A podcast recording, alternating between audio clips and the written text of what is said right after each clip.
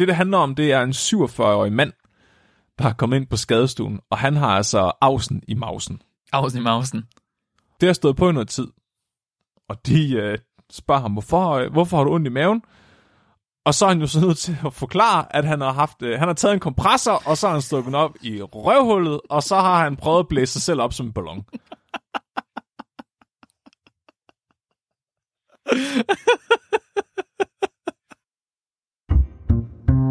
Vi bringer en advarsel. Den følgende podcast handler om vanvittig videnskab. Al forskningen, der præsenteres, er 100% ægte og udført af professionelle. Mark og Flemming står ikke til ansvar for eventuelle misforståelser, men minder jeg om, at de altid har ret. Husk at være dumme.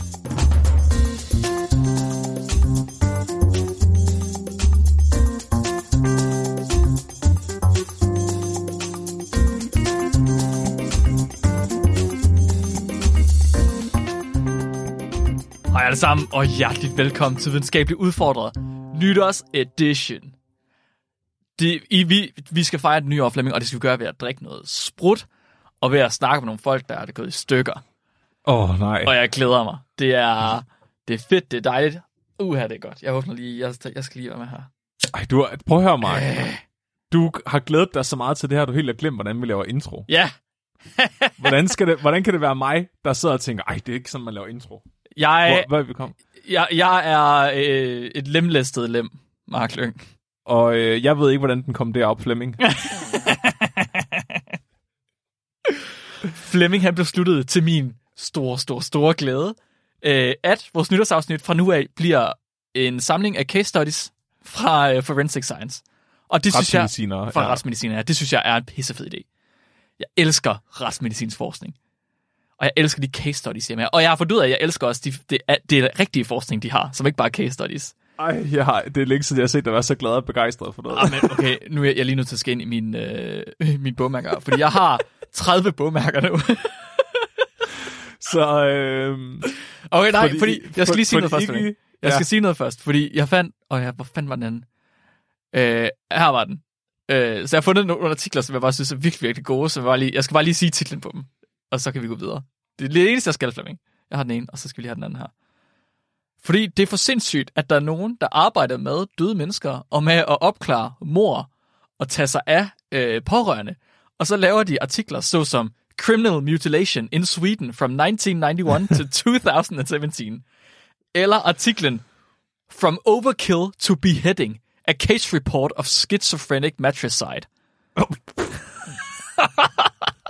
så øh, til de ikke indvidede, så det vi snakker om her, det er de her retsmedicinske case studies, som egentlig er videnskabelige artikler, der bare handler om folk, der er døde på virkelig fucked up måder. Eller om, hvad folk, der er døde på fucked up måder, har til fælles. Og vi har tit haft det med til nytår, fordi så har det været noget med, hvordan folk er døde af fyrkeri og så videre. Nu går vi bare all in og, og dedikerer et helt afsnit til det om året. Også fordi vi tit, jeg synes tit, når jeg sidder og researcher, så finder jeg en. Så dukker lige en op ned i hjørnet, sådan en eller Ja. anden person, der Og det er jo fordi, det er jo ikke, det er jo ikke meningen, at det skal være fucked up måde at dø på. Men nu, den måde, jeg researchede i dag, det var det nemmeste, jeg nogensinde har gjort. Jeg gik ind på The International Journal of Forensic Science. Et tidsskrift. Så tog jeg det, det seneste, øh, den seneste udgave, der var. Så gik jeg ned til Case Reports, og så fandt jeg allerede tre artikler. og så fortsatte jeg bare tilbage til 2009, og så fandt jeg bare hundredvis af artikler. Og de, de, er, de er alle sammen galningagtige. Alle de her case reports er galningagtige. Jeg forstår ikke, hvordan man kan have så mange sindssyge måder at dø på hele tiden. Altså, skulle du have været retsmediciner? Ja, 100%. 100%. Du, er, altså, hvis du skulle starte forfra, så var det det, du havde gjort. Jeg har fået at vide, det er ret svært i Danmark, fordi der ikke er specielt mange retsmediciner. Der er ikke folk, der Ikke- ikke, på okay, så mange ikke- mærkelige måder. Jeg vil ikke være retsmediciner, tror jeg ikke. For jeg gider ikke det der lægeværk i det. Man kan godt være retsmediciner på dyr også. Ja, nej, okay, det gider jeg heller ikke. Det var ikke så meget det. Foreshadowing. Ja, foreshadowing.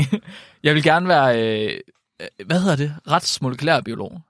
Mm. Du ved, CSI-agtigt. Hvordan døde den her bakterie? Den er helt... Nej, men du ved, så tester man øh, blodprøver, og man tester for, altså laver PCR-reaktioner og sådan noget. Det lyder vildt kedeligt, Mark. Nej, det er, sgu, det er sgu da meget sjovt. Nå, men så, okay. I dag er det, så vidt jeg har kunne forstå, en battle på, hvem der kunne finde det, vildeste, det dummeste, det bedste case study. Hvordan Fra, afgør vi, hvem der har vundet? øh, skal vi få Discord til at at bestemme det? Ja, Nej, fordi de, de stemmer altid på dig, Mark. Nå, undskyld. Og det ved jeg ikke, om de gør mere, efter vi har haft så meget harmonika sammen. Måske skal vi bare lægge den op, og så er der, afst- der er en afstemning helt indtil næste år. Og næste år, der finder vi vinderen. Det er fandme i orden. så har vi glemt det til den tid, så det lige meget. 100 procent. Jeg elsker konkurrencer, men jeg går aldrig op i et selv point. Ja, præcis. Jamen, det synes jeg, okay, det kan vi godt bare gøre. Det er en konkurrence, øhm, vi tæller ikke point. Ja, vi spiller Uno uden at Mm-hmm. bogføre. Jeg vil også lige øh, understrege, fordi det er, en- det er en kommentar, vi får meget om. Mm. Øh, folk tror ikke på, at jeg har det så svært med afskårende tissemænd, fordi hvis det er alt muligt andet med kabert, så synes jeg bare, det er sjovt. Og der må jeg så bare lige tilføje, at jeg har, altså det er bare sådan, jeg har det. Jeg, jeg, det er meget specifikt synes jeg, det der med afskårende tissemænd, det er virkelig, virkelig gross, og det kan jeg ikke have. Jeg ved ikke, om det er sådan en eller anden latent frygt, jeg, jeg har, eller et eller andet, men det kan jeg ikke. Men alt andet, det er good to go. Det er og lige så, op for mig, at jeg ikke har fundet sådan en i dag. Det var faktisk dumt. det jeg har taget min voldtægtskasu med. så længe, altså hvis det handler om at skære i kønsdel, eller kønsdel, der er gået i stykker, det kan jeg ikke. Eller, eller hvis det handler om sex, det gider jeg ikke snakke om. Kun hvis det er med et eller andet, på en eller anden sjov måde. På en eller anden sjov måde. Ja, en eller anden virkelig sådan deviant, ulækker måde. Det finder jeg ud af i dag. Og skal vi så lige sige, den sidste også, vi griner ikke af de folk, der dør i de her artikler. Vi griner Det gør de... jeg. Okay, Flemming gør. jeg, er sgu da- Okay, fint. jeg griner af dem alle sammen. Jeg er ligeglad. Okay, men jeg tror, at dine artikler er måske lidt anderledes end mine artikler. Nogle af dem, Nå. de dør på nogle lidt tragiske måder, hvor det rent faktisk Jeg er griner, jeg griner af dem alligevel. Fuck alle jeres følelser. Ellers så griner vi af, at der bliver lavet forskning på det, fordi det synes vi er ret vildt, at man kan skrive artikler til videnskabelige tidsskrifter om folk, der dør. Det er en mærkelig ting. Jeg synes, det er sjovt. Og med det, så skal vi i gang. Flemming, Ej, må jeg, må jeg åbne ballet? du åbner ballet, du lægger ud. Okay. Give me your best shot. Vi starter blidt ud. Mhm. Så jeg har fundet ud af, at det ikke er alle de her øh, retsmedicinske rap- rapporter. Jeg ved ikke, om de så længere er retsmedicinske. Men det er ikke alle de her case studies, der nødvendigvis handler om en person, der er død. Nej, lige præcis. Okay, det gik også op for mig nu, men selvfølgelig er det ikke det. Fordi man skal. Nej. undersøge alle mulige ting, og folk kan jo, altså, der kan jo alle mulige kriminalitet, der stadig har med en retsmedicin at gøre. Også selvom ikke Ja. gør. Ja, og nogen, altså, jeg tænker, en retsmediciner er en, der obducerer en død person, men alligevel, så er det smart at samle viden fra de levende, fordi de kan fortælle, hvordan de kommer til skade, mm-hmm. og så kan man kigge på den skade og sige, det der, det har jeg set på et liv før. Ja. Så øhm, jeg, jeg har en person her, der faktisk overlevede. Rectal perforation by high pressure compressed air, Oh, a nej. case report. Oh god. Fra, og den er udgivet i 2018 i uh, journal, der hedder Clinics in Surgery. Og øh, det er fra United Arab Emirates. Ah, okay. Ja, den er lidt øh, eksotisk i forhold til dem, vi normalt ser. Både i, hvor den kommer fra og, øh, og rammen. Så det, det, det handler om, det er en 47-årig mand, der har kommet ind på skadestuen, og han har altså afsen i mausen. Ausen i mausen. Og øhm, det har stået på i noget tid. Og de øh, spørger ham, hvorfor, øh, hvorfor har du ondt i maven? Og så er han jo så nødt til at forklare, at han har haft, øh, han har taget en kompressor, og så har han stukket op i røvhullet, og så har han prøvet at blæse sig selv op som en ballon.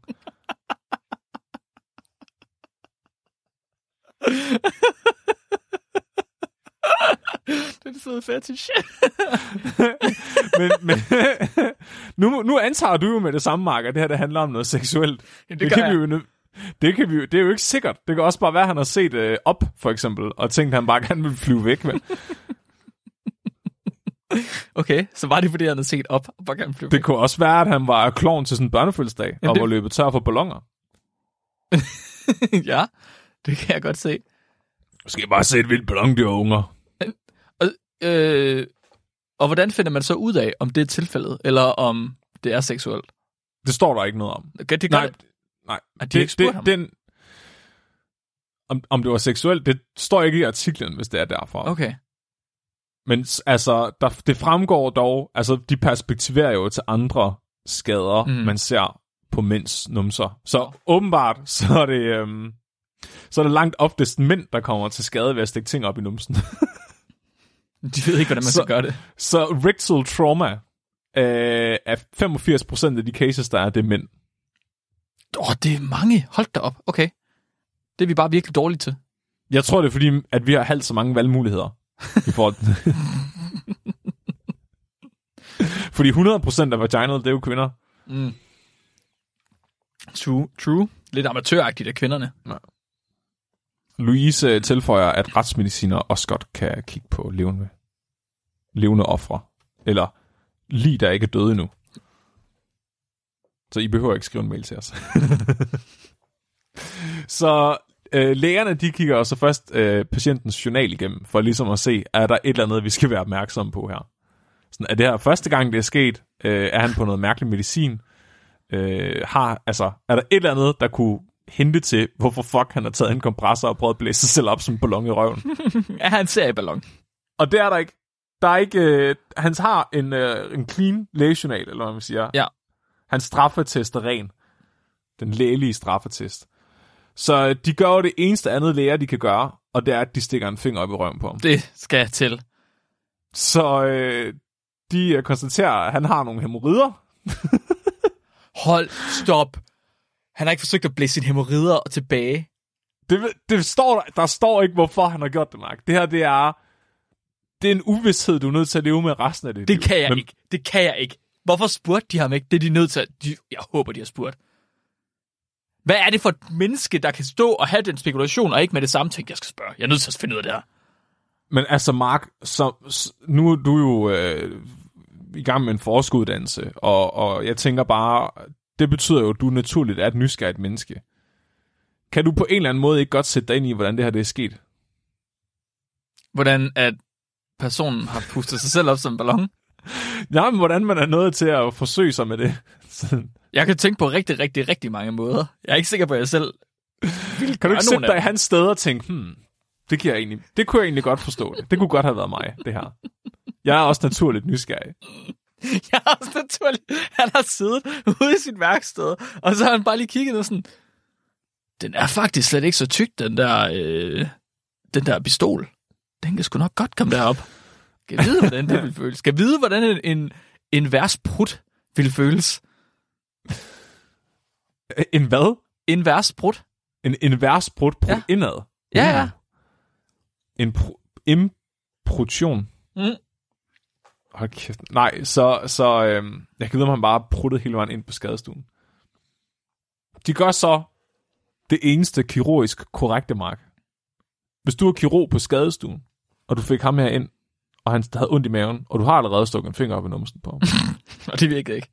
hvad, hvad, hvad vil du så gøre? Men han har ondt i maven, fordi at han pustede sig selv i endetarmen. Hvad kunne der være sket ved det her? Hvordan kunne man være kommet til skade ved det? Har han blæst hul? Det var en rigtig godt... Ja, ja, ja. Hul. Okay. Og, og hvordan fikser man det, hvis der går hul i tarmen? Man lapper det. Ja. Ja. Så Hvordan, de her- man, hvordan, hvordan tror du, man gør det? Uh, havde det været et traktordæk, så kan man putte sådan noget blå masse ind, der bare sådan... Det var, det, han er ikke et traktordæk, det er jeg ret sikker Prøv at på. tænke øh, cykel. Jamen, så putter man en lap på. Ja, men hvordan finder man hullet? Nej, nej, nej. så de spurgte, de spurgte efter hans adresse, og så kørte de ud og hentede hans kompressor, og så prøvede de igen. Det er så meget rigtigt. Nej, det gjorde de ikke. De to, og så tog de tarmen ud Nej, af ham, nej. og, lagde Nå, ned i en, og så lagde de den ned i en balje med vand, Luk røven, det passer ikke. og så blæste de luft ind i den, for Det at se, hvor der kom ikke- bobler ud. Det er ikke ægte. Jo. Det er fuldstændig ligesom at lappe en cykel. Hvor... det er vanvittigt. Ej, jeg har aldrig set dig være så begejstret for længe til. Og de, de finder sgu nogle huller i den der tarm der, og dem søger de så sammen, og så propper de tarmen ind igen, og så kan han bare øh, køre hjem igen. Så skulle han lige, dagen efter skulle han lige prøve at pumpe den op, så han kunne se, om det holdt. Om det var tæt. Jeg siger bare, at der er gået god, øh, det er tydeligvis gået en god retsmedicin og tabt i dig, Ja, det kan jeg love dig for. Skulle jeg være ikke Så, så det, øh, det, er egentlig, det er egentlig det case. Øh, de har simpelthen under operationen faktisk taget billeder af, at de har gjort det her. Jeg oh. troede, der, så, når man, så det er en af frynsegoderne ved at læse de her case studies, det er, at der er nogle rigtig lækre billeder med. de bedste. Øh, og der er bare nogle, der er nogle rimelig grafiske billeder her. af, hvordan øh, de her huller ser ud, og øh, hvordan de har lappet dem. Men det, man skal huske, de tog faktisk også og lavede en øhm, røntgenfotograferet af hans lunger, for at se, om de var kollapset af, at han havde blæst luft op i røven på sig selv. men det var de ikke. Så, men men øh, der, de har simpelthen, mens de har, det, mens de har gjort det her med, med den stakkels mands tarm, så er de stadig og fotograferet det.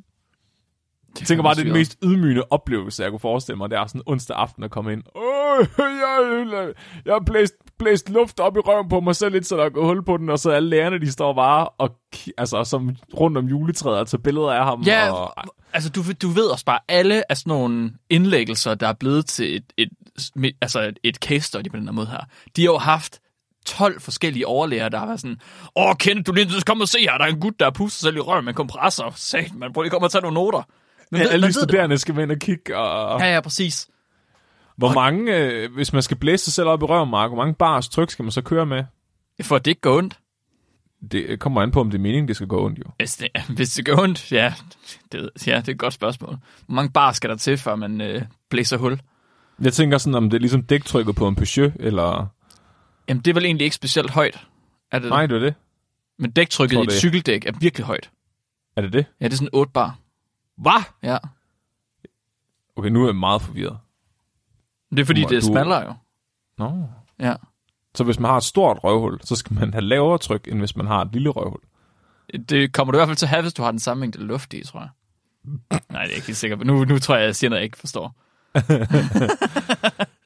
så øh, nu har jeg åbnet ballet, Mark. Hvad okay. har du til mig? Okay, okay. Min, min tur. Så mit første case study, det handler om en 32-årig øh, mand, der kommer ind på hospitalet. Han har for første gang i sit liv nogensinde fået et epileptisk anfald. Og han har fået flere af dem, lige pludselig, uden Som 32-årig? Som 32-årig. Det er jo ret usædvanligt. Han aner ikke, hvor det kommer fra. Så han bliver selvfølgelig øh, han bliver indlagt, og lægerne de kigger på ham, og de er sådan lidt, hvad er der i det hoved, og de banker lige lidt på, øh, på panden en gang. Der sker, så det, der sker ikke noget så øh, tager de en, øh, giver ham CT-scanning.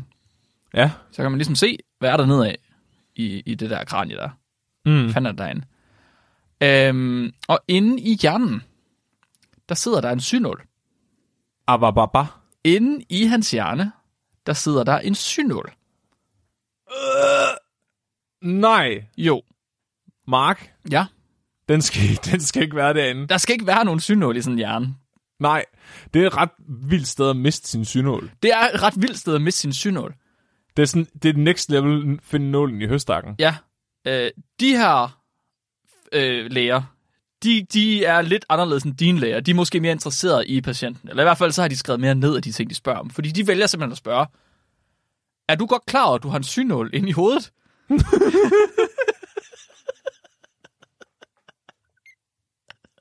og så stak din finger op i røven på ham. og så står der en 32 mand, der kigger på mig og siger, nej, det, det, sgu ikke, det vidste du sgu ikke. Hvad laver den der? Skal den være der? Nå, det var der, den var. så han anede ikke, den var der, og hans familie, de anede heller ikke, den var der.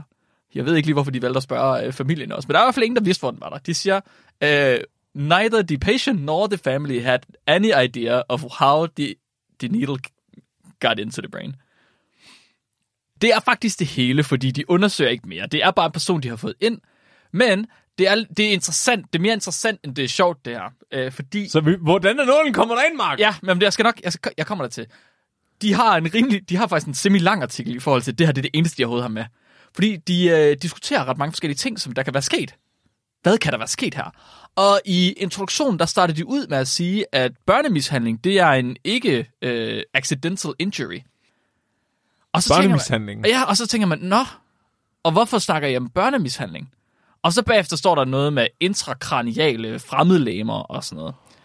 Oh. Uh, det er så åbenbart fordi, at de har, hvad har de her, seks referencer, uh, hvor de kan finde patienter, der har intrakraniale nåle. Uh. Seks forskellige referencer, seks forskellige andre case studies, der har vist det her. De fleste af dem, ja. det er øh, patienter, der faktisk har øh, haft dem til at ligge derinde efter noget kirurgi. Der er simpelthen lige en kirurg, der er kommet til at glemme en derinde. Ja, ups. Det kan smutte, det skidt.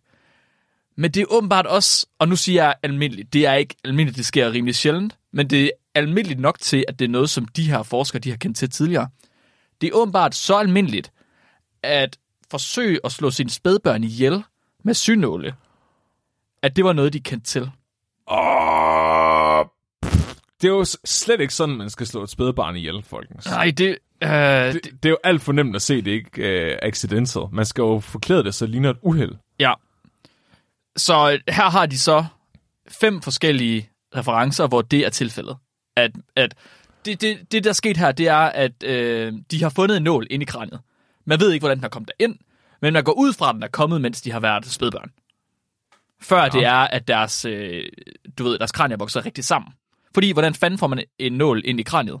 Ellers. Nå, så det er på det eneste tidspunkt, hvor hovedet har været blødt nok. Præcis, så kan du stikke den ind igennem den der samling, der er mellem de to. Øh, Åh, Ja. Det er en hård snak at have med ham der på 32. Ja, og det er så faktisk det, der er interessant, fordi nede i diskussionen, så skriver de så, at de valgte ikke at sige det til ham en 32-årig. De har skrevet en videnskabelig artikel om en 32-årig mand, som har en nål inde i kraniet, som han ikke ved, hvor kommer fra. Han er ikke blevet opereret i hjernen nogensinde. Så de går ud fra, at han har fået den, fordi at hans øh, forældre måske har forsøgt at myrde ham, da han var spædbarn. Hvor er det sygt ikke at fortælle ham det. Ja, og så siger de, øh, at det kan være et værre psykologisk traume at få at vide, at man har været udsat for børnemishandling, hvis ikke man var klar over det, end at leve i uvidshed. Så de vælger at lade være med at sige det. Mark, Ja. hvis nu jeg engang fandt ud af, at dine forældre havde prøvet at slå dig ihjel som baby, vil du så godt have, at jeg fortalte dig det? Det tror jeg nemlig ikke, men det er også fordi, i den her situation her, der skriver de om patienten, og de skriver om, at han har været til stede med sin familie, men de beskriver ikke, hvad for noget familie, der har været der. Vi ved ikke, om hans forældre de stadig lever, vi ved ikke, om hvad for et forhold har sine forældre. Mm. Jeg har et rimelig okay forhold til mine forældre. Man kan jo godt...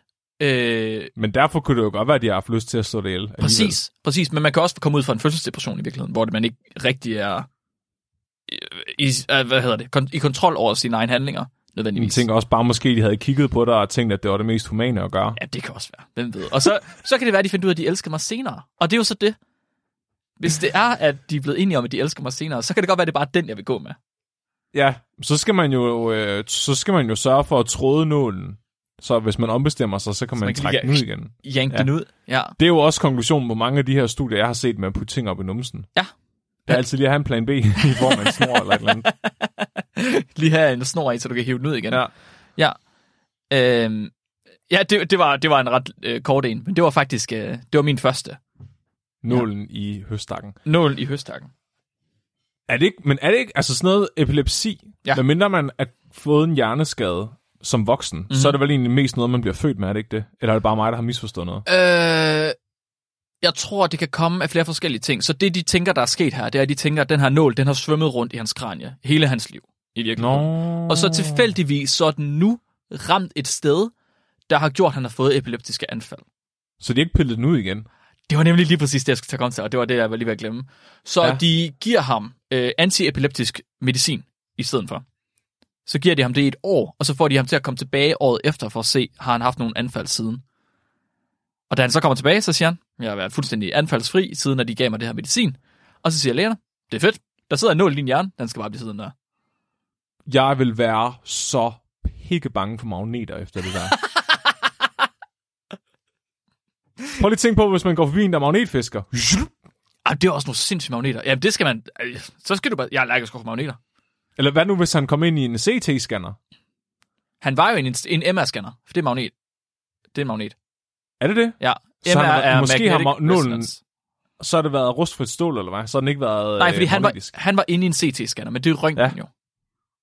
Nå, så hvis han var kommet ind i en MRI-scanner, Så kunne man så have kunne det være, at nålen var fløjet ud. ja, Så kunne det være, at han havde fået en, øh, så havde han fået en lobotomy. det havde været, Gratis. okay, det havde været et vildt studie. Fuck. Er- Det kan være, at der kommer en part 2. Det kan være, det er derfor, de lå den sidde, at de håber på, at der er en deres øh, kollegaer, der fucker op. Ja. Og jeg håber virkelig, det står i hans sygejournal, når han så kommer ind næste gang. Ej, kunne du lige forestille dig, at der er en læge, der fucker op, fordi de ikke får læst, at den har en, en nål til at sidde der.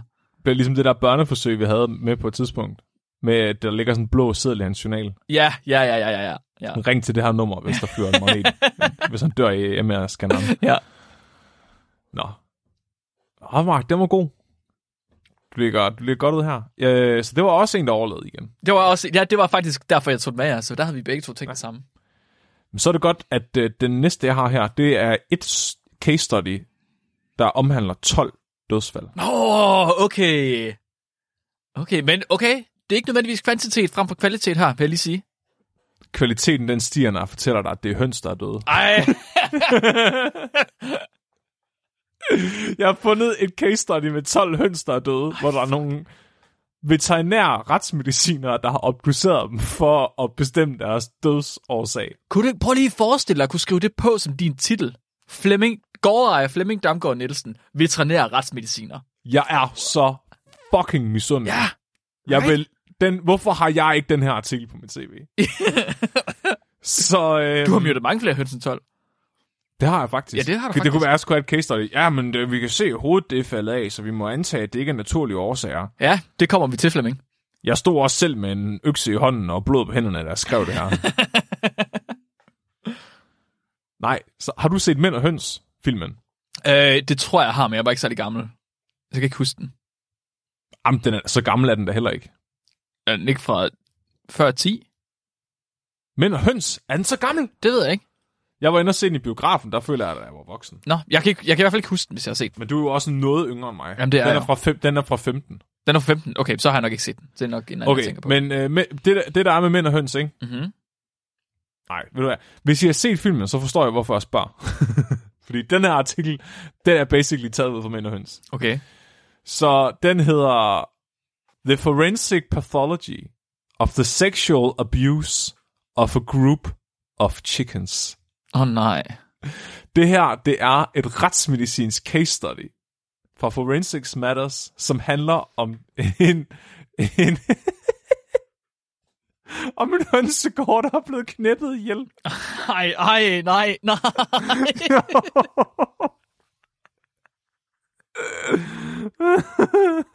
var, det, var det en vild ting? Og den er frisk på pressen. Den er lige, den er fra i år. Den, den, den er, det, er det er breaking science, vi har her. For helvede. En hønsegård, der blev knippet ihjel. Det lyder ikke som noget, der- er ægte. Jo, og der er også billeder i, desværre. Ej, nej. Så det, øh, de, de har endda betalt for at have den open access, så alle kan læse den. Så hvis I gerne vil selv vil læse den og se billederne, kan I bare gå ind på Google og downloade den.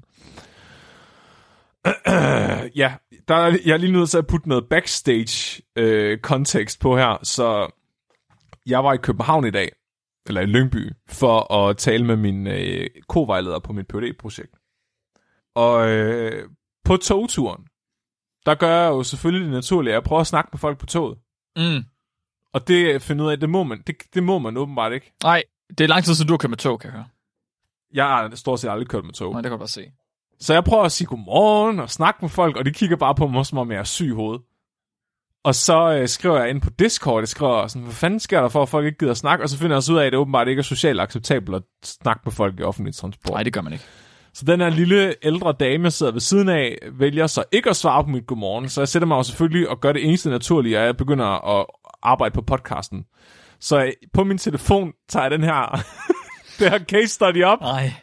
med 12 høns, der er blevet knæppet ihjel. Nej. Og der er skød af skoler. Og så, så, er der, så er der bare billeder af det ene hønserøvhul efter det andet, der var blevet knippet i stykker. Åh, oh, den dame. Oh, og så gik det bare op for mig, hun godt kunne se i skærmen på min telefon, og tænkte, jeg ved, om der egentlig er noget om det der med ikke at snakke på folk på offentlig transport. Sådan, er jeg den person, man ikke skal snakke med, når man går ind i toget, Ja. egentlig? Ja. Jeg har det godt med mig selv, Mark. Mm. Det er fra The Department of Veterinary Anatomy, Physiology and Pathology fra øh, UK, University of Liverpool. Og det, der sker, det er, der er den her bundemand, den her hønsefarmer i England, der står op en morgen og får sig en rigtig grim overraskelse. Fordi 12 af hans høns, de er døde, Åh, oh, nej. og ikke er noget, der virker som naturlige årsager. Åh, oh, nej. Fordi alle de her døde høns, de ligger med, med de, har, de ligger med røven i vejret, og den her røv, den er meget, meget hævet. Åh oh, nej. Så bundemanden, han, han ved godt, at det ikke er helt almindeligt, det her. Så han går ind, heldigvis har han overvågningskamera på sin bundegård. Og det her overvågningskamera fanger faktisk, at der er en mand, der går ind til de her høns. Så der findes, der findes derude, så findes der sådan noget overvågnings-revenge-hønseporno. Nej, fordi jeg tror ikke selve aktet er blevet fanget på video. Fordi politiet, de bliver faktisk involveret. Så politiet, de tager og konfiskerer de her 12 høns fra gerningsstedet. og så kontakter de de her retsmediciner, eller hvad det er, øh, dyrlæger, og så, øh, så beder de dem om at undersøge de her høns, for at finde ud af, hvad der er sket med dem. øhm, og det er virkelig sjovt, fordi for det første, så vælger de, der er, de, de har de her 12 høns, ikke? Men de vælger kun at pursue investigations på 8 af dem. Mm, okay, hvorfor? Så det, vil- det vil sige, at de har 12 høns, der tydeligvis er blevet knippet ihjel, men de vælger kun at følge op på de 8 af dem. Var de, var de sidste fire for ødelagte? Jeg ved det ikke. Jeg ved ikke, hvorfor de har tænkt, at de fire høns ikke fortjener retfærdighed og fred i det hensides. Men ja, det kunne, det kunne jo godt have været to forskellige gerningsmænd, der kom ind lige efter hinanden. Jeg tænker bare, at den her cold case for de her fire høns, er der ret gode chancer for, hvis man, altså, hvis, øh, hvad hedder det, øh, hvad nu, hvad nu, for, den der afdeling Q tog dem op, at de ville kunne opklare den sag rimelig hurtigt.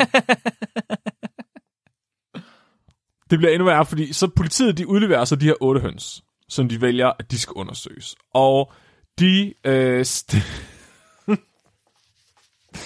de, øh, de beder de her øh, dyrlæger om at undersøge dem. Og de vil gerne have, at de har nogle bestemte ting for øje, når de undersøger dem. For det første vil de gerne vide, om de her høns, de har øh, lidt. Ja. Har det her været smertefuldt for dem? Mm-hmm. Og så vil de gerne vide, om den her dødsårsag er naturlig. om de bare døde af sig selv. Eller om øh, der er tale om, øh, om et decideret mor. Massemor. Hønsemor. Hønsemassemor. Ja. Det er lidt fucked, ikke? At de skal, unders- altså, at de skal vurdere, om de har lidt, inden de døde. Ja. Fordi det er lidt som om, det er noget, man skulle bruge i en eventuel retssag, for at gøre straffen hårdere. Jeg vil virkelig gerne have været til stede til den her retssag. Nu kommer det selvfølgelig fuldstændig an på øh, landet, men jeg kunne, fordi høns må du ikke godt slå ihjel i virkeligheden. Men jeg kunne forestille mig, at hvis de lider overlast, og du gør det med vilje, at så må du lige pludselig ikke slå dem ihjel længere. Oh. Men jeg er ikke 100% sikker. Men du må jo ikke, altså, man må jo ikke knippe dem. Nej, det må man ikke. Det er selvfølgelig altid ulovligt. Men det kan være, at de så kunne få ham på flere forskellige punkter, fordi han slog dem ihjel, mens de lider overlast. Jeg tror, det er fordi, de var bange for, at hans advokat ville bruge det klassiske forsvar med, at hønsene kunne lide det. Ja, det tror jeg. De læser selv op til det. Mine damer og herrer, det kan godt være, at min klient her har knippet otte høns, men de bad selv om det. Det er totalt mænd og høns. Hvor Nikolaj Likos, han står med hønnen. Det er okay, der kan komme æg ud.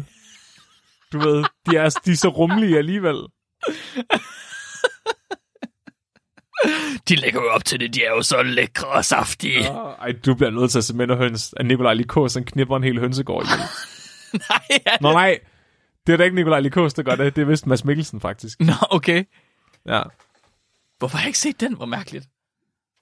Så to af hønsene vælger, så de, de får de her otte høns, men de, vælger, de kigger, så de skriver i artiklen, basically så skriver de, at de kigger på de her otte høns, og så vurderer de, de her otte høns, de ser alle sammen lige knippet ud. Mm-hmm. Så de obducerer kun to af dem. Så vurderer de til sig lige knippet ud. Der er en objektiv måleskala, der hedder hønseknippeskalaen, hvor de sagde, at de er alle sammen på en 4 på hønseknippeskalaen. De siger, at de udvendige skader og overfladiske undersøgelser viser, at de alle sammen var lige skadet. Og, derfor, de kan man, skadet. ja, derfor kan man gå ud fra, at de er skadet på samme indvendigt også. Ja, så de udvælger, de udvælger to høns. Den var ikke gået, and- mennesker. Nej, det er rigtigt nok. Den, der, der, den var nok ikke gået. Der, vi, vi vil gerne kræve øh, retfærdighed Ja. for øh, høns. Vi vil godt kræve flere replikater. Så vi har høne 1 og høne 2.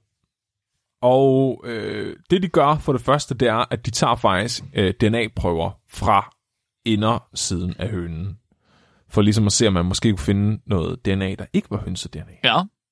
Og så går de ellers i gang med at kigge på, hvad er det, der er sket med de her høns. Er de bare faldet om af sig selv, og øh, bare tilfældigvis har hævet numser, eller er der, nogen, er, er der, har der foregået et eller andet øh, ugudeligt? Og det første, de finder ud af, det er, at de alle sammen øh, ikke er hævet i numsen, som ejeren ellers havde sagt. Nå. Det kan være, at hævelsen har lagt sig måske, men, men de siger, at den ikke, de er ikke sådan hævet. Men man kan godt se, at der er et eller andet galt med det der hul, som æggene de skal komme ud af. Okay. Fordi øh, de skulle alle sammen, øh, de skulle gå i stykker. De havde lagt nogle store æg. Deres nums, numsekloakker, de var revnet. Ja. Og de siger så, at øh, det faktisk er så slemt, at deres indvold er råd ud i deres indetarm. Det, det skal den ikke. Nej, det er ikke meningen. Så der er et eller andet foul play her. De siger, at de er faktisk ikke helt sikre på, om hønsene har været i live, mens de har pådraget sig de her skader.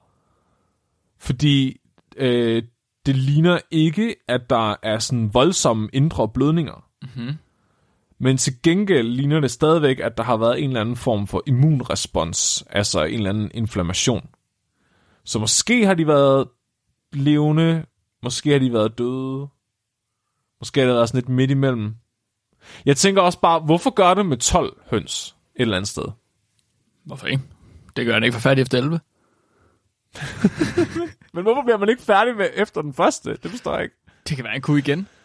Jeg tænker bare på, når jeg hører det her, så tænker jeg lidt, om det er fordi, det var vigtigt for ham, at de var levende imens. Ah, og de døde for hurtigt. Ja, og han så har gjort det 12 gange. Det er faktisk, Det er det er faktisk rimelig, det er rimelig uh, wasteful. Det er faktisk lidt forfærdeligt, det her. Det er lidt grotesk. Okay, fordi det er høns, så er det grotesk. Ja, det er det faktisk. Ja, Ja. jamen, jeg kan godt se det for mig. Hvis der havde været mennesker, havde det været lidt sjovere. så øhm, de vurderer simpelthen, at øh, deres numsehuller er revnet, og deres indvold er faldet ud i numsen på dem, og det mener de altså ikke er naturligt. Nej. Så det fortæller de politiet. Mm-hmm. Og så siger de, at de højst sandsynligt også øh, har lidt, mens at det stod til det her. Det lykkedes dem faktisk, baseret på det her DNA, de finder inde i hønsene, at finde DNA fra et menneske. Øh, helt specifikt så har det højst sandsynligt været sæd. Det her DNA, det kan de så sammenligne med en database af kendte sex offenders. Og så finder de fandme gerningsmanden lige med det samme. Åh oh, nej. Han, var, han havde gjort det før. Han havde gjort det her før. Nej. Også på høns. Det står der ikke i artiklen. Hvad tror du, hvad tror du uh, straffen er for at knippe 12 høns ihjel? Mm, han skulle betale bodet til bunden. Han fik en 30 måneders custodial sentence. Okay. Hvad betyder er det? det? Ikke, jeg mener, at det er ikke fængsel, men jeg mener, det er sådan noget... Sådan hjemme... Hvad hedder det? Husarrest. Det er, ja, det er sådan lidt, jeg tror, øh, der står, at det er, hvis det er så alvorligt, at hverken en bøde eller, øh, hvad hedder det, arbejde Ja. kan retfærdiggøre det, der er sket. Så jeg tror, det er custody, custody er det ikke, at man er, at man er sådan under overvågning. I varetægt. Altså, I varetægt, ja. Så. Okay, så han skulle... Han skulle, han skulle gemme sig væk De i holder 30 dage. De, ja, de holder basically øje med, at han ikke knipper flere høns ihjel i Ja, 30 måneder. og så, så sagde de til ham, så må du købe din egen høns og knippe dem ihjel i stedet for. Vi kan ikke have, du går Nej, Mark, det må man heller ikke. Nå, det må man heller ikke. Nej. Hvad? Hvad er det for nogle regler, der er over alt? Det er sgu da bare høns. Mark! Hvorfor må man ikke knippe sin høns? Det forstår jeg ikke. Man skal, man skal elske... Man, okay, Mark, Undskyld. man skal, man skal elske sine høns, men man skal også ære dem. Hvorfor må man ikke elske med sin høns så? Man skal, fordi man skal også ære dem, Mark. Det kan man Man også skal gøre. elske og ære sine høns. De kommer der i hønsehimlen. Det...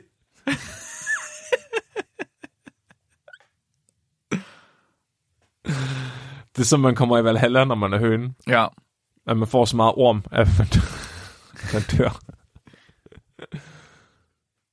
Det var din nummer To. må man ikke, Mark. Ja. Det var, det var, jeg vil sige, at du kører nummer to, og så går direkte til massegrav. Eller massemor. Det synes jeg, det, det, nu har jeg høje forventninger til nummer tre, Flemming, det må jeg sige. Tror du, det er fordi ham her, sexoffenderen, han har fået at vide af dommeren, at han skulle prøve at gokke i stedet for? Uha. Okay, til min nummer to. Der, har, der er jo lidt inspiration af, at det trods alt er et nytårsafsnit. Og vi plejer til vores nytårsafsnit tale om sprut og om eksplosioner. Så øh, det næste, vi skal snakke om, det er sprut. I det her tilfælde her, det her case study, der øh, var der nogle svejsiske læger eller medicinere, der fandt en 49-årig mand på sin arbejdsplads om morgenen klokken halv Mhm. otte. Det er jo en pligtopfyldende mand. Det var en pligtopfyldende mand. Øh, de havde ikke fundet ham, mens han arbejdede, fordi hvorfor fanden skulle mediciner gå ud og så finde ham, mens han arbejdede. De har fundet ham, fordi han, han hang og var død. Han havde begået selvmord på arbejdspladsen, øh, Nå. inde i omklædningsrummet. Og havde højst sandsynligt hængt der siden han sidst havde snakket med folk klokken 6 om aftenen dagen før. Det er sgu vildt nok, altså hvis man alligevel skal begå selvmord, Ja. at man så venter til efter arbejde. Ja. Så kunne man sgu lige så godt gøre det inden, så man slipper for at arbejde. det er faktisk... Det, men det kan være, det derfor, han gjorde det der, fordi han ikke gad arbejde. Var han, efter, var han måske. vestjyde? Øh, måske. Han, han, altså, det var i Schweiz, men det kan selvfølgelig være, at han var tilflytter. Det er ikke til at sige. Undskyld mig, chef. Jeg kunne godt tænke mig at tage overlov resten af livet.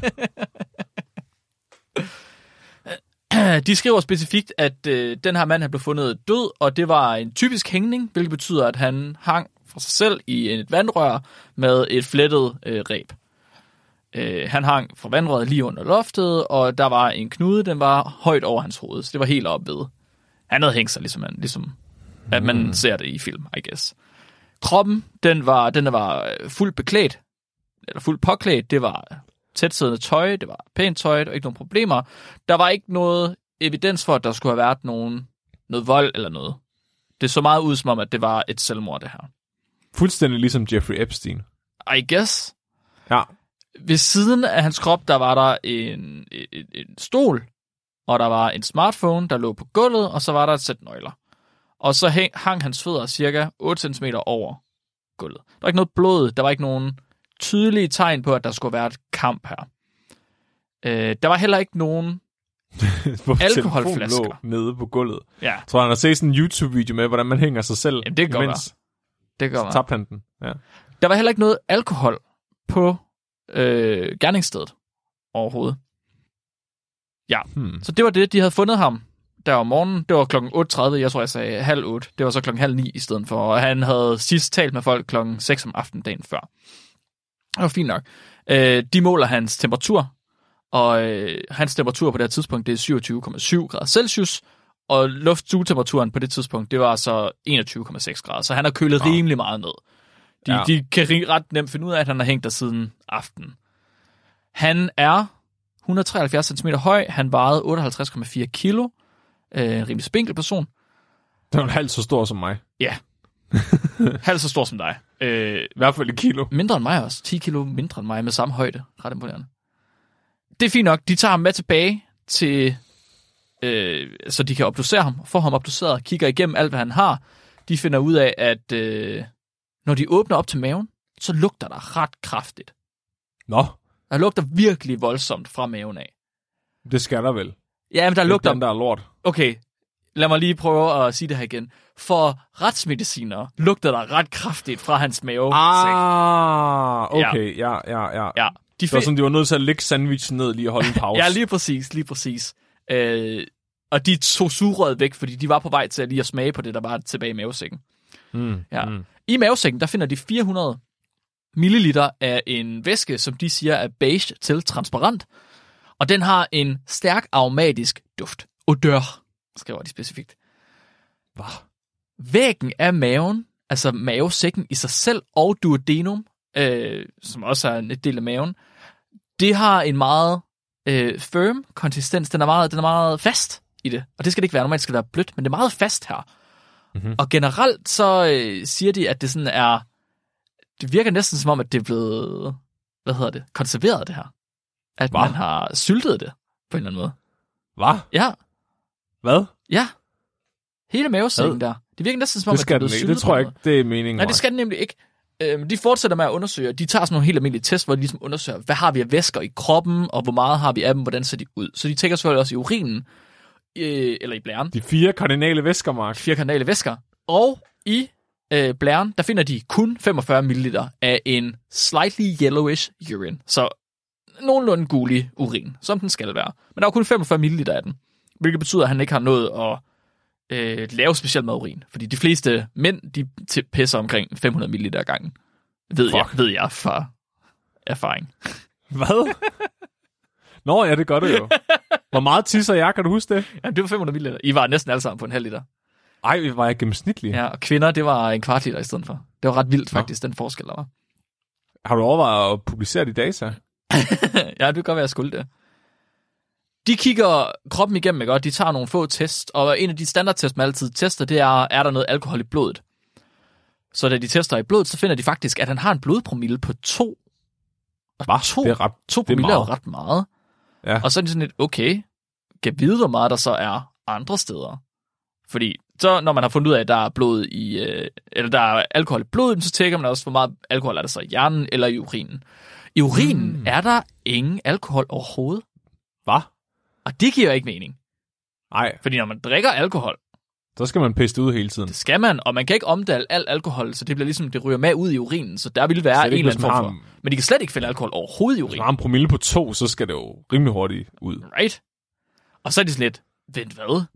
Okay, der er alkohol i blodet. Der er ikke noget alkohol i urinen. Så efter det, så går de i gang med at teste 13 forskellige øh, væsker, eller 13 forskellige steder i kroppen, og finde ud af, hvor meget alkohol der er der.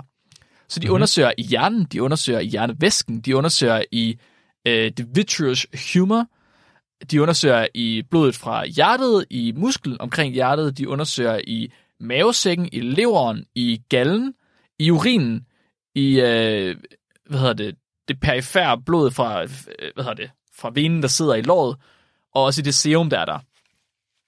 Og øh, når de så siger de her ting her, eller rapporterer det her, så ser man rigtig nok, at i blodet, der er der omkring 2 promille, i urinen er der slet ingenting.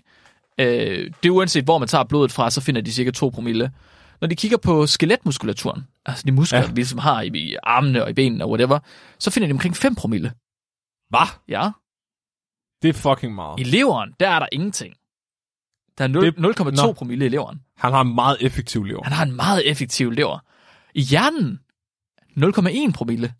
Nå, Det giver jo heller ikke mening. Hvad sker der her? Og så er de sådan lidt, okay, kan vide, hvad der er i det der i maven. Så de måler alkoholkoncentrationen i det i maven, det der væske, de fandt. ja. Og i det væske, der finder de en promille på 168. Det svarer til, for de lyder højt, når vi siger promille, fordi promille er ligesom den måde, vi måler alkohol i vores blod. Det svarer til 16,7 procent alkohol,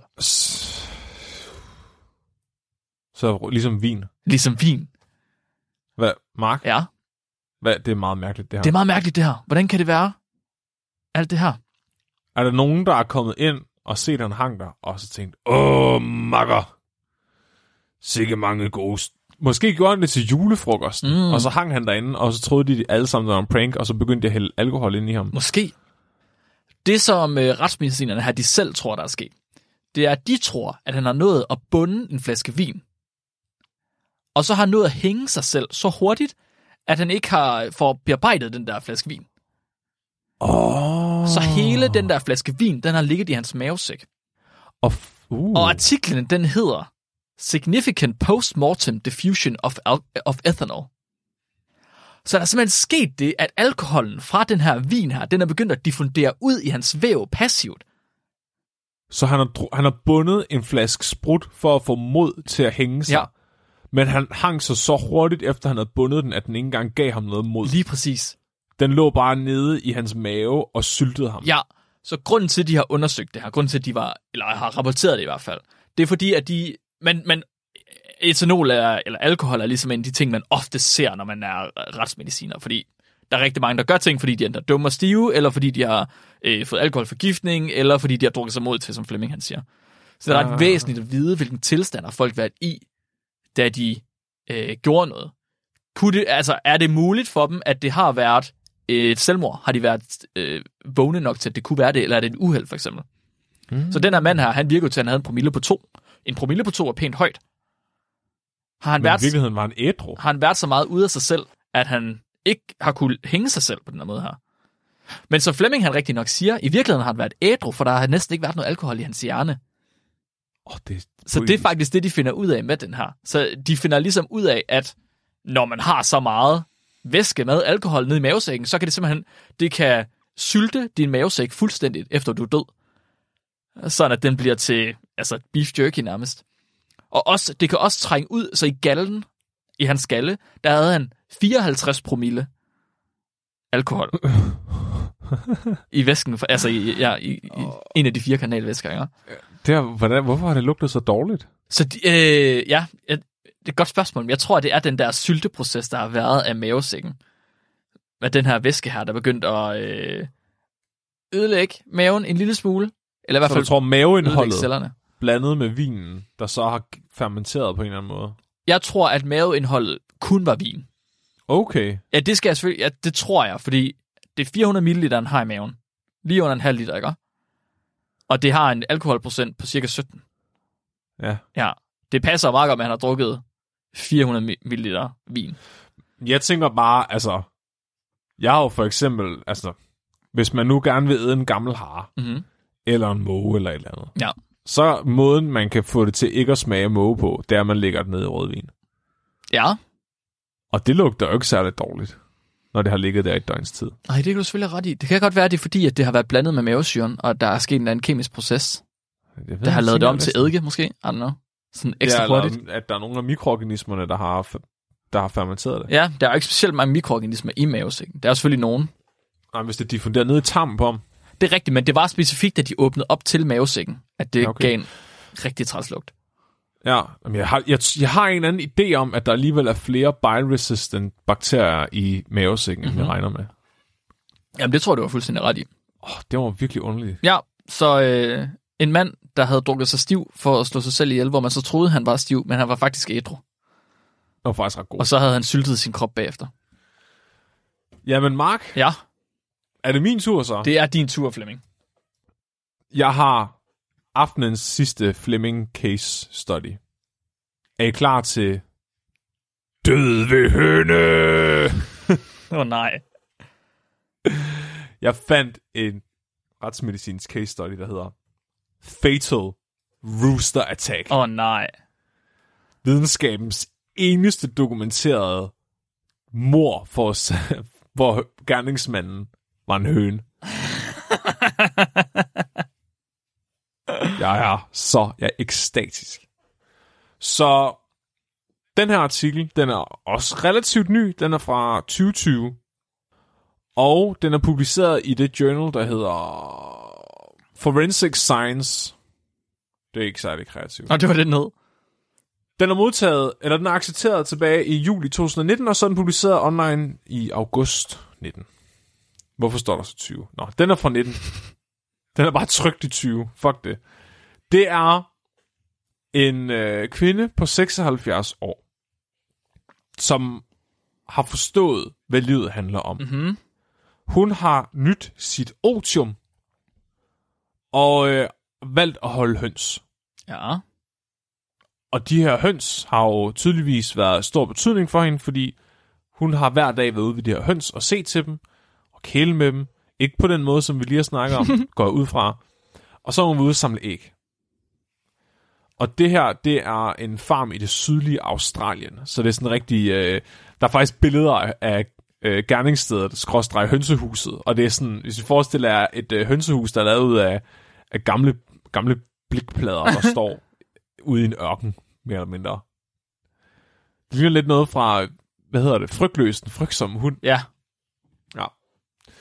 Da hun er ude og hente de her æg, der sker der det, at hanen i hønsehuset simpelthen hopper på hende. Og det er meget normalt, at hanen hopper på en. Er det? Ja, det, det, gør, det gør de bare. Altså det, som regel, hvis de gør det ved mig, så slagter jeg dem, og så prøver jeg igen. Det er derfor, jeg er nødt til gå den syvende nu. øh, jeg er heldig, at jeg har fået en kok, der er knækket. Den har ikke øh, nogen nerver længere, mm. så den angriber ikke. Men det kan jeg huske som barn. Der havde jeg en kok, øh, vi kaldte kok og mok. Hvor, øh, hvor vi var nødt til at kaste en træsko efter den, og så løbe ind og hente æggene, og så se, om man kunne få træskoen med på vej ud igen. Jeg havde den kok så meget. Jeg kan huske, at min farfar kom fra slagten, der stod jeg og smugkiggede for at se den dø. jeg tror, jeg var 8 eller 9 eller sådan noget. Men øh, det sker så også her, at den her kok hopper på ind. Og det er ikke helt til at spøge med, fordi sådan nogle kokke, de har så spore. Og det er sådan en... Det, lidt ligesom en negl. Nok lidt mere en klo, Mm-hmm. som sidder på, hvad vil man sige, hælen af... Lidt op af hælen, mm-hmm. sådan på bagsiden af benet. Og det er dem, de bruger til at slås med øh, og kæmpe med. De er, kan godt være ret skarpe. Og den er så hoppet på ind med de her spore, og det er så lidt til, at hun har skrevet ud i smerte og begyndt at kalde på sin mand. Og manden han når netop udenfor i tide til at se sin kone lænet ind over hønsehuset øh, kollapse i deres indkørsel. Okay. Da ambulancen ankommer, er hun død. Nej, hvad? Politiet afspærrer og undersøger gerningsstedet. Okay. De noterer, fordi der er det jo bare baseret på mandens vidnesudsagn. Ja. Så de ser, at der er blod inde i hønsehuset. Altså, det er sprøjtet ind i hønsehuset. Der ligger en pøl af blod foran hønsehuset, så meget, at det løbet ned i kurven med æg. Og der er et blodspor hele vejen fra hønsehuset over til livet i indkørslen. Hvordan? Okay, hvad? Den havde, havde den ikke bare stukket den der klo i hende? Altså, Det, hvis man skal tro på det, manden har sagt, det tror jeg i hvert fald ikke, politiet gør, fordi de vælger at sende ind til obduktion. ja. Så retsmedicinerne får fingre i livet. Uh, uh, uh. Og jeg elsker, åh, jeg elsker de her, fordi de starter altid med, at, at de sådan, bare lige kommer med sådan en generel observation af, hvordan, hvordan ser vedkommende ud. Mm-hmm. Og der konstaterer de så bare med det samme, hun er sgu lidt tyk. Ej, ej, okay, hvad? De, øh, faktisk er hun fed. Hun har en BMI på 35, så det klassificerer de hende som værende i det, man kalder fed kategori. Okay. Øh, jeg tror, det hedder obese, eller morbidly obese, det kan jeg ikke huske på eng- engelsk. Jeg tror, jeg ved ikke, om det er politisk korrekt at kalde det fed længere. Det var det, det hed dengang, jeg var barn. Det var det, jeg var. Hendes ben er også smurt ind i blod, og der er nogle rigtig pæne billeder af det her ben, og det ligner umiddelbart ikke noget, der har været i kontakt med en høne. Det ligner mere noget, der har været i kontakt med en majtasker. Åh, oh, nej. Jeg ved ikke, om du har lyst til at se det her ben. Send det.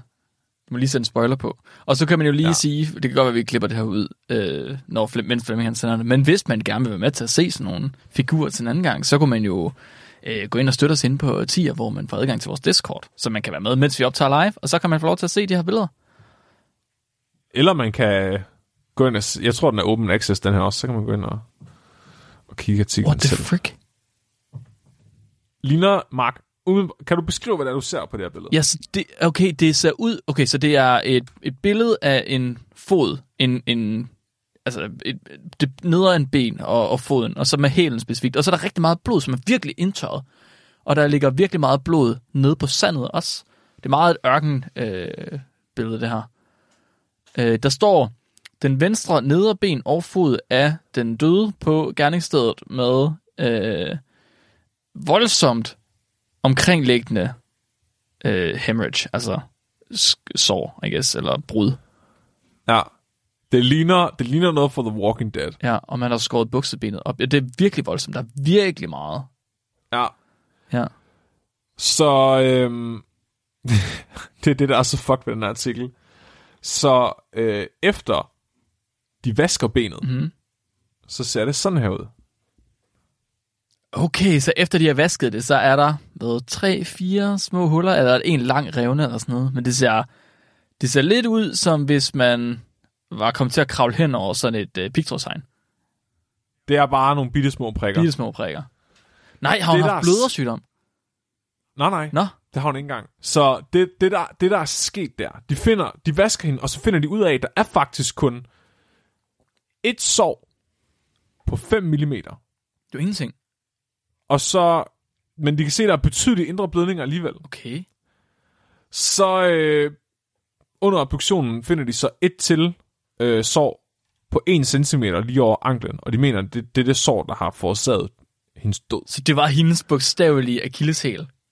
Præcis. De finder ud af, at for det første så passer det her sår på øh, formen af en hønes næb eller, eller spore. Som man jo gør.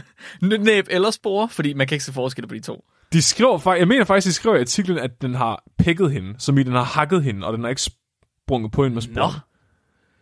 Så der har siddet lige der, hvor hun er blevet hakket, en rigtig, rigtig stor overknude. Ah. Og det har simpelthen ledt til, at hun på ingen tid åbenbart er forblødt ude foran det her hønsehus. Så det har bare været et freak accident. Nej. Det, øh, så, åh, diskussionen er virkelig guld, fordi så skal de jo snakke om, hvad kan vi så, hvad kan vi lære af det her? Så for det første, så siger de, at øh, det er sjældent, man ser, at fjerkræ dræber mennesker. Nå, trods alt. man, man ser dog ofte, at øh, angreb fra fjerkræ leder til synstab. Mhm. Så det må også åbenbart være ørne, der prikker øjnene ud på folk eller sådan noget. Så skriver de også lidt om høns. De skriver, at haner er aggressive og territoriale dyr. Men de angreb øh, er dog oftest, øh, forekommer dog oftest på børn. Som ikke dør af det. Ja. Jeg, jeg kan ikke udelukke, mine børn ikke er blevet angrebet af en. Jeg, jeg, jeg vil sige, efter at have set det, her, så tænker jeg over det næste gang. Mm. Så redder jeg dem. Ja, det er en god idé. En god idé.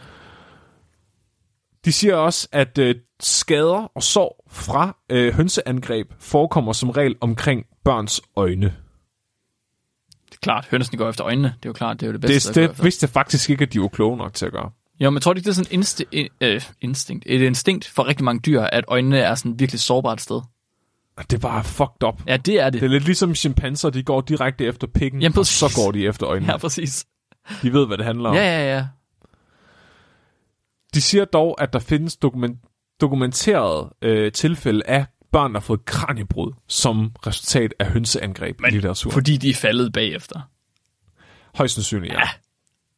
Og vi set en høne, der kunne give et kraniebrud, altså. Ja. Det skal være Men lige så, ellers så. Hvad? som en gorilla. Det skal være en stor høne. Så skal det være, hvis de nu, ligesom mig, definerer strus som høns. så kan man godt gøre det, det er klart. ja. De siger også, at vævsskader, altså, så, altså deciderede sår, kommer oftest, øh, ses oftest efter vedkommende er død. Mm. Så som regel, hvis en høne smadrer din krop, så er det fordi, du var død i forvejen, og de nok bare er begyndt at æde dig. Mm. Ja. Og det synes jeg egentlig er meget poetisk. Det er circle of life. Circle of life, lige præcis. Ren konge. Det er også, jeg jeg vil sige, efter den der knippeartikel, så synes jeg ligesom hønsene, at de skal have en, en altså, Ja, så får de lov. det står lige et, nu står det et, et ikke? Ja. Det her, det er det tredje dokumenterede dødsfald forårsaget af en høne. Nej! Så det, det, de siger godt nok i artiklen, det er det første dødsfald som årsag af en rooster. Er en hane. Ja, men alligevel så kommer de med tre andre eksempler på folk, der faktisk er døde af det. Og jeg tror, det de mener, det er, at det her det er den første case study, retsmedicinske case study, hvor det er dokumenteret videnskabeligt med peer review. Fordi der er også dokumenterede tilfælde, som ikke har været igennem peer review. Bliver de faktisk peer-reviewet, de her case studies her? Det gør de måske. Det tror jeg, de gør. Det var jeg ikke klar over, fordi det er, jo ikke, det er jo ikke videnskab, det er jo bare, du ved, rapporter. Ja, Der er ikke specielt meget altså, videnskab over det. et abstract for eksempel til en konference er jo også bare en rapport, og den, den skal jo også gennem peer review. Så Kan det? Det, er for, det øh, tror jeg ikke nødvendigvis. Jeg bliver så meget klogere, hver gang jeg taler med dig, Mark. Ja. Det er jo også være, at jeg tager fejl. Det tror jeg ikke på. Det tror jeg ikke, du kan, Mark. De, hvad, okay, hvad, vil du, hvad gætter du på, at de her tre dødsfald er? Hvordan er, hvordan, hvordan er folk døde af høns? Hvordan er folk døde af høns? Øh, den ene, han fik garanteret penge til at sidde fast i en høne. Det er tre forskellige måder, de døde Tre på. forskellige måder. Ja. Okay. Åh, det, er det sådan noget med, at... Okay, jeg ved ikke, om det er sådan noget virkelig, virkelig, virkelig uheldigt, hvor de er blevet krattet i halsen, og så er det lige præcis ramt en altså halspulsåren, eller en vene i låret, eller et eller andet. Dude, et point til Mark. Okay. jo. Jeg har den. Så vi har en 35-årig mand, der har deltaget i cockfights. Åh, oh, shit. Og det, der er med de her cockfights, det er, at man tager to haner, og så putter man dem i en arena, og så får man dem til at kæmpe til død. Mm-hmm. Og så står der en hel masse klamme mænd med tatoveringer i ansigtet. Ikke at alle mænd med tatoveringer i ansigtet er klamme, men det er de her lige og så, øh, så væder de om, øh, hvilken kok, der vinder. Og det er simpelthen bare i stedet for at spille lotto. Okay. Det de gør dog, for ligesom at der rent faktisk kommer et dødsfald, altså for at der kommer en vinder, at kokken ikke bare sådan, du ved, giver op og beslutter sig for at fortsætte med at være høns, så taper de barberbladet fast til deres spore.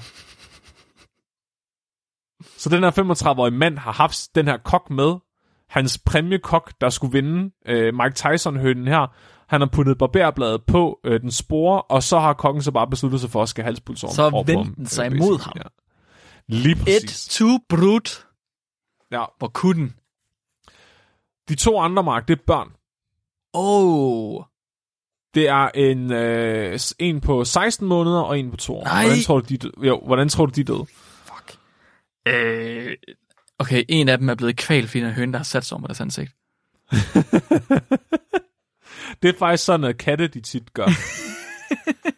Jeg har været sygt paranoid efter at have hørt, at katte de kan finde på, når det er koldt om vinteren, og ligge sig oven på babyers hoveder i barnevognen. Ja, Nå, det vidste jeg heller ikke. Øh, okay, men så det var ikke en af dem. Hvad er den anden? nej. Øhm, er det sådan aggressioner, eller er der nogen, der bare er sådan tilfældig? Mm, jeg vil sige, det startede med aggression. Okay. Men det... Ja, men det er det vel sådan noget med, at de bare har nakket dem. Altså, de bare... Det er den ene af dem, Ja, faktisk. bare gået fuldstændig amok. Så den to det her, og, det, og jeg ved ikke, hvad det er, men den her toårige dreng fra Indien er blevet angrebet af nogle høns på en måde, der var så vildt, at han havde pådraget sig så mange skader i hovedet, at han døde af det. Det er fandme syret. Det er Jeg ham ved ikke, hvad der er med Indien, men Indien er et vildt sted. Baseret på de videnskabelige artikler, vi har haft indtil videre, så Indi- det er kun Indien, sådan noget her sker i. Det er Indien og Pakistan, at folk dør på sådan nogle måder her. Jeg ved ikke, hvordan det kan lade sig gøre. Var det ikke Pakistan, hvor der var en, der var død af, at der var en ged, der faldt Nå, jo, det er rigtigt. Det er rigtigt. Var det Pakistan? Det var det nok. Der var nogen, der havde vel ofre en ged, og så havde de skulle have den opbevare den, indtil den skulle ofre, så havde de sat den på, på taget af så en han bygning. faldt ned. Ja, oven i hovedet på en. For helvede. Okay, så okay, han var simpelthen bare blevet pikket ihjel. Han var bare for grim en høne til at være en del af hønseflokken. Jeg ved ikke, at det er sind- Prøv lige at forestille dig, du gokket så meget hovedet, du dør det. Ja. Og så den sidste, det var så en, øh, et, et barn, øh, som havde fået, øh, var blevet hakket i hovedet, og så har simpelthen fået hjernebetændelse af infektionen. Det er fandme også uheldigt. Ja, det er... Uh. Men den her 76-årige kvinde er simpelthen det første videnskabeligt dokumenterede tilfælde af et menneske, der er blevet slået ihjel af en høne. Det er vanvittigt. Det er øh, din, din... Jeg vil sige, du fuldælder den godt med din tredje her. 1-1 til, 1-1 til hønsene. 1-1 til eksempel, hønsene. om, om der er nogle flere freak accidents i 21 eller 22, Ja. ja. øh, 23. Vi har jo stadigvæk nogle år, jeg kan kigge. Jamen, det er rigtigt. Det er vi nødt til at have fat i. Okay, Flemming. Jeg har øh, den aller, aller sidste. Min egen sidste for i dag. Og øh, igen, i øh, nytårstegn, så øh, tager vi den anden del af nytår, som jo er fyrværkeri og krudt. Og den her, den er, den er spændende. Det her det er et af de mest interessante billeder, jeg har haft. Fordi jeg var faktisk ikke sikker på, at den figur, jeg, som er hovedfiguren i det her, om det var et rigtigt billede, eller om det var noget, der var nogen, der havde tegnet. Jeg kunne ikke se, om det var ægte, eller om det var tegnet. Åh oh, nej. Jo. Den her artikel her, den starter ud med at fortælle lidt om, hvordan at skader fra eksplosioner, de kommer, og de er ofte associeret med terroristangreb eller øh, med militære aktiviteter. Giver mening. Der er meget få af dem, der er associeret med civile aktiviteter. Der er nogen, der er associeret med til civile aktiviteter, og når det er tilfældet, så er det oftest i forbindelse med fyrværkeri. Og dem har vi haft en del af. Vi har haft en del af de her fyrværkeri-inducerede dødsfald. Yes. Øh, de kommer som regel af, at man selv har været i gang med at lege med fyrværkeri. I det her tilfælde her, der har en hobby pyrotekniker, bliver han kaldt. Åh, oh, det er bare ikke en til, der skal være hobby foran Nej, på. det har ingen titel, der skal hobby foran. Han har valgt at øh, udvikle sin egen øh, salut-affyringsmekanisme. Fordi han er fra Bayern. Og øh, i Bayern, der har de en tradition, at når det er nytår, så skal de øh, affyre en salut. Og den salut, den skal skyde fem gange. Og det har han så lavet et aggregat, der kan. Det er en tyk stålplade, jernplade, som han så har svejset øh, fem jerncylinder på, eller stålcylinder. Nede i hver af de stålcylinder, der har han stoppet 50 gram sort krudt ned i. Aha. Så har han puttet lidt, nytårs, øh, nej, lidt, nytår, lidt øh, avispapir ovenpå, Og så har den haft sådan en øh, detoneringsdevice nede i bunden, så at den kunne sætte ild til. Jeg ved ikke, der står ikke, om det var en lunde, eller om det er et eller andet elektrisk i stedet for, så han kunne gå væk. Hvordan, hvordan kan det her gå galt? Ja, hvordan kan det gå galt, ikke? Han havde lavet det, han havde lavet det med en sikker det, detoneringsmekanisme. Hvad er problemet? Ej, jeg bliver altså lige nødt til at kigge, hvor mange gram sortkrudt, der var i de gammeldages havlpatroner. Ja, det skal du bare have lov til. Så før, første figur, nu kan jeg bare lige sige det til Discord, men første figur, øh, den hedder, den har titlen Self-Constructed Salute Gun, jeg lige her. Altså, det ligner øh, noget, der skal forestille at være sådan en mortar til, til sådan nogle armerede pans, øh, ja, mandskabsvogn. Okay, der er som regel halvt så meget krudt i en patron. Okay, Så omkring 25 gram. okay. Så dobbelt så meget krudt, som der er i en patron. Fem gange. Ja. Hvilken patron? En havlpatron. Okay. Som i det er nok til at slå et rådyr ihjel Ja. ja. på 30 meters afstand, hvis du rammer rigtigt. Og det er super fint, fordi hans plan, det var også, at han ville stille sig 30 meter væk fra den her, og så sætte den til at affyre. Sådan at de kunne stå og kigge pænt på den, og det var jo ligesom fint nok, at han stod i sikker afstand og sådan noget. Øh, og det gør Jeg han. tror faktisk ikke, man må, man må vist ikke skyde dem på 30 meters afstand, men det går lige meget. Nå. Hvis du, men men man, jeg siger, man kan. Okay, det er fint. Det ville han i hvert fald med den her, men han ville jo skyde op i luften. Det gør han til nytårsaften. Øh, problemet er bare, at den går ikke af. Det er en fuser, og han har jo lavet det selv, så han tænker selvfølgelig bare, nå ja, det er da bare, fordi min affyringsmekanisme, den ikke rigtig virker. Så han går hen til den, så stikker han hovedet ind over den, og så kigger han ned i rørene, Det er jo fucking Looney Tunes, det her. og så eksploderer den. Oh, nej. Øh, og der står... Overlevede han? Flemming, overlevede han. Overlevede han. According to bystanders, he was examining a misfire of a self-constructed salute gun when it suddenly detonated, causing an explosive rupture of his forehead, which led to his immediate death. Jeg sender lige uh, figur 2. Ma- han var mindblown Ja. over sin egen opfindelse. Ja. Så de skriver i artiklen, at da de får manden ind, så øh, kigger de ligesom på ham, de kigger på hans hals og hans ansigt, og de lægger mærke til, at han har det, som de kalder for tattooing, som er blevet en, øh, et videnskabeligt term, åbenbart inden for retsmediciner, når man, eller retsmedicin, når man har med eksplosioner at gøre. Det betyder, at han har fået sorte pletter i hele ansigtet. Som Har du, sendt, du har sendt mig et billede nu med spoiler på. Øh, ja, du skal ikke lige åbne den. Du skal ikke åbne den endnu. Andre må godt åbne den. Så de kigger... Jeg kan se, at... Ja. Ja, de kigger fra halsen, de kigger op og kigger i ansigtet og næsen og sådan noget. Det ser lidt, øh, han er lidt, lidt ødelagt, når man kommer lidt højere op. Så kommer de til panden. I panden er der et hul. Inde i det hul er der ingenting. Nå! Du må godt åbne billedet nu.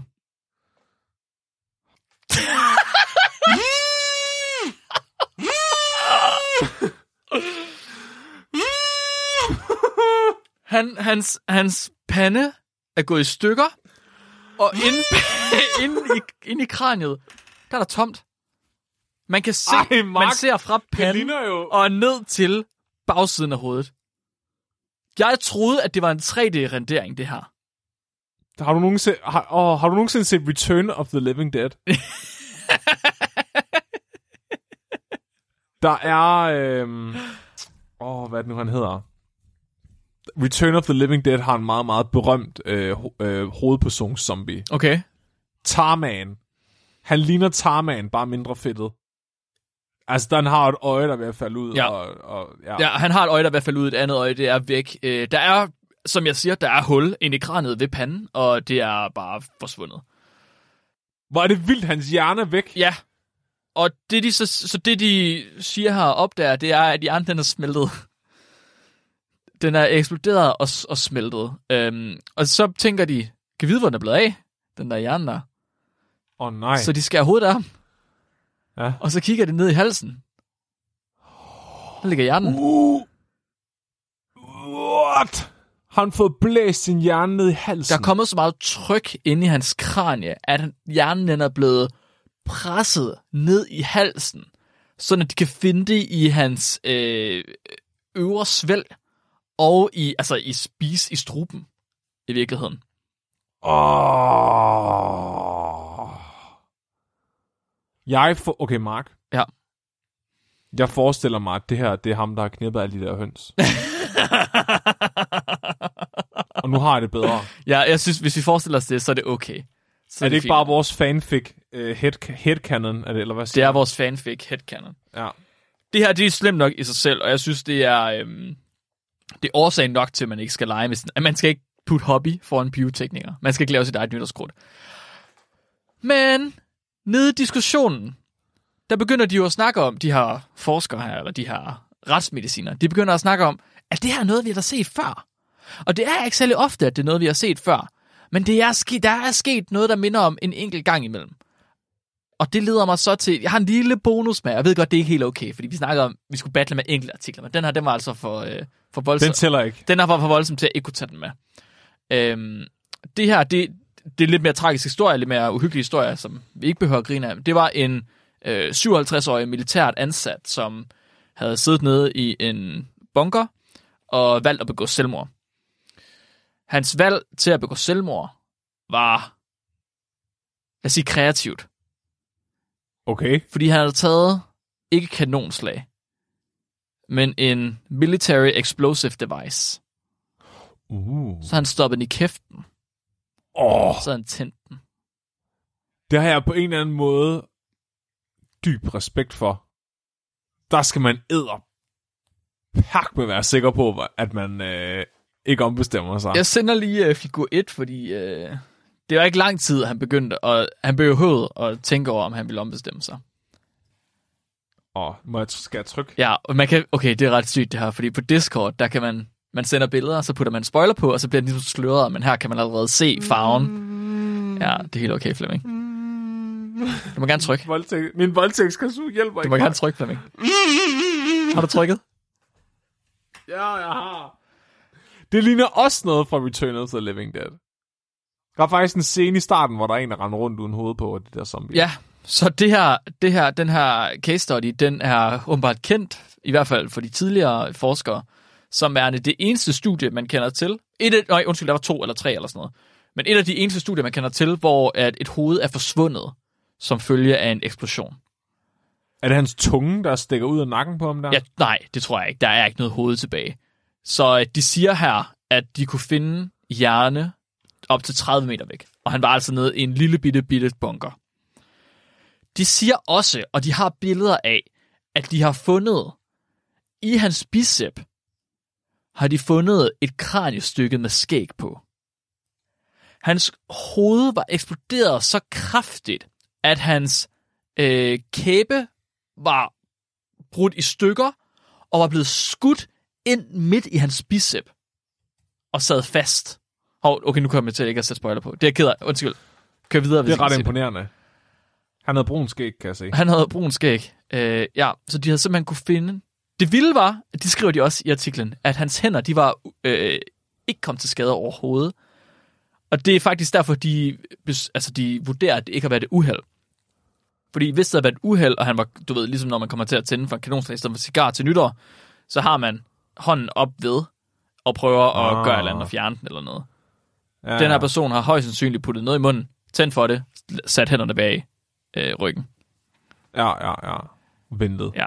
Det er, det var ikke, det, det er ikke en historie om personen, der har været, været dum og kom til at lave noget forkert figuri. Det her, det var så en historie om et selvmord i stedet for. Så det er en noget mere tragisk historie, men jeg synes stadig, at det er imponerende, at man faktisk kan springe sit hoved helt af. Det er faktisk ret sejt. Det er, det er, jeg skulle lige til at sige sejt. Det er bemærkelsesværdigt. Ja. Ja. Så moralen med i dag Ja. er, hvis man alligevel skal dø, Mhm. mm-hmm. kan man lige så godt sørge for, at der er nogen, der kan skrive case study om det. Ja, det er jeg enig i. Hvis jeg dør på en mærkelig måde, så for guds skyld skriv et studie om, hvordan jeg død, og hvordan jeg ser ud, når jeg dør. Final, den final publication. Ja. Kan man kræve i sin suicide note, at man gerne vil på som co-author? Så nede i uh, contributions, der står der, Mark Lyng, han uh, bidrog med uh, prøvemateriale. ja. Åh, oh, det var fucked up. Vi skulle nok have haft en disclaimer i starten Ja, det af afsnittet. ja, jeg tror du ikke, de vidste det på forhånd? Det, det håber jeg, man gjorde. Hvis man er interesseret i sådan nogle detaljer, så kan jeg fortælle, at de vurderede, at trykket inde i den første guds kranie, ham der, der ikke havde nogen hjerne tilbage. Det var et sted mellem 9 og 12 bare. Oh, det er mere, end uh, han, han har haft op i numsen, ham der, Ja. hvor den sprang i luften. Ja, til ham, den er, det er forsvundet, det der kranie. Eller den, den hjerne der. Ja. Det, det var vel... Øh, det var vel... Øh, hvad hedder det? Du ser meget Nytår. ualmindeligt tilfreds ud, Mark. Jeg ved det godt. Jeg, og jeg ved godt, det ikke er okay. Det er ikke... Altså... Jeg kan bare ikke lade være. Jeg synes, det er super interessant, den måde, vi kan dø på. Og den måde, vi, vi, den måde, vi dør på. Altså...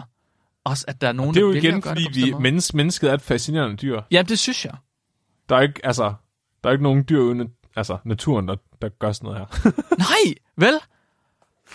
Det er jo mærkeligt. Det, altså, og- og- jo, okay, der er dyr, der voldtager andre dyr. Fair nok. Altså, også dyr, der bliver slået ihjel af andre dyr. Jeg vil sige, dit var faktisk noget af det mest naturlige, vi har haft med længe. Bortset, okay, bortset fra ham, der stak en kompressor op i røven på sig selv. Det er selvfølgelig måske ikke så naturligt. Nej. Må se, jeg vil gerne have haft, jeg vil gerne have haft øhm, en anden artikel med i dag. Mm-hmm. Vibrator-induced fatal rectal perforation. Mm. Det var øh, et ungt par, der havde øh, hygget sig, og så havde øh, kæreste, øh, kvinden, kvinden i forholdet taget sin vibrator og puttet op i numsen på den mandlige del af ligningen, Ja. og så kunne den ikke komme ud igen. Og, men den var bag en paywall, så jeg, jeg, jeg har bedt SDU om at købe artiklen til mig. og Bente har svaret mig, men øh, jeg, jeg, ja, hun mener så ikke, at jeg er ansat, og derfor vil de ikke betale for den. Så der er ikke nogen skattekroner, der gik til at høre om uh, dildo-inducerede uh, endetarmshuller.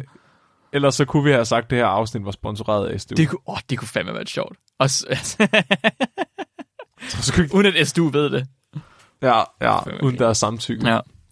ligesom hønsene.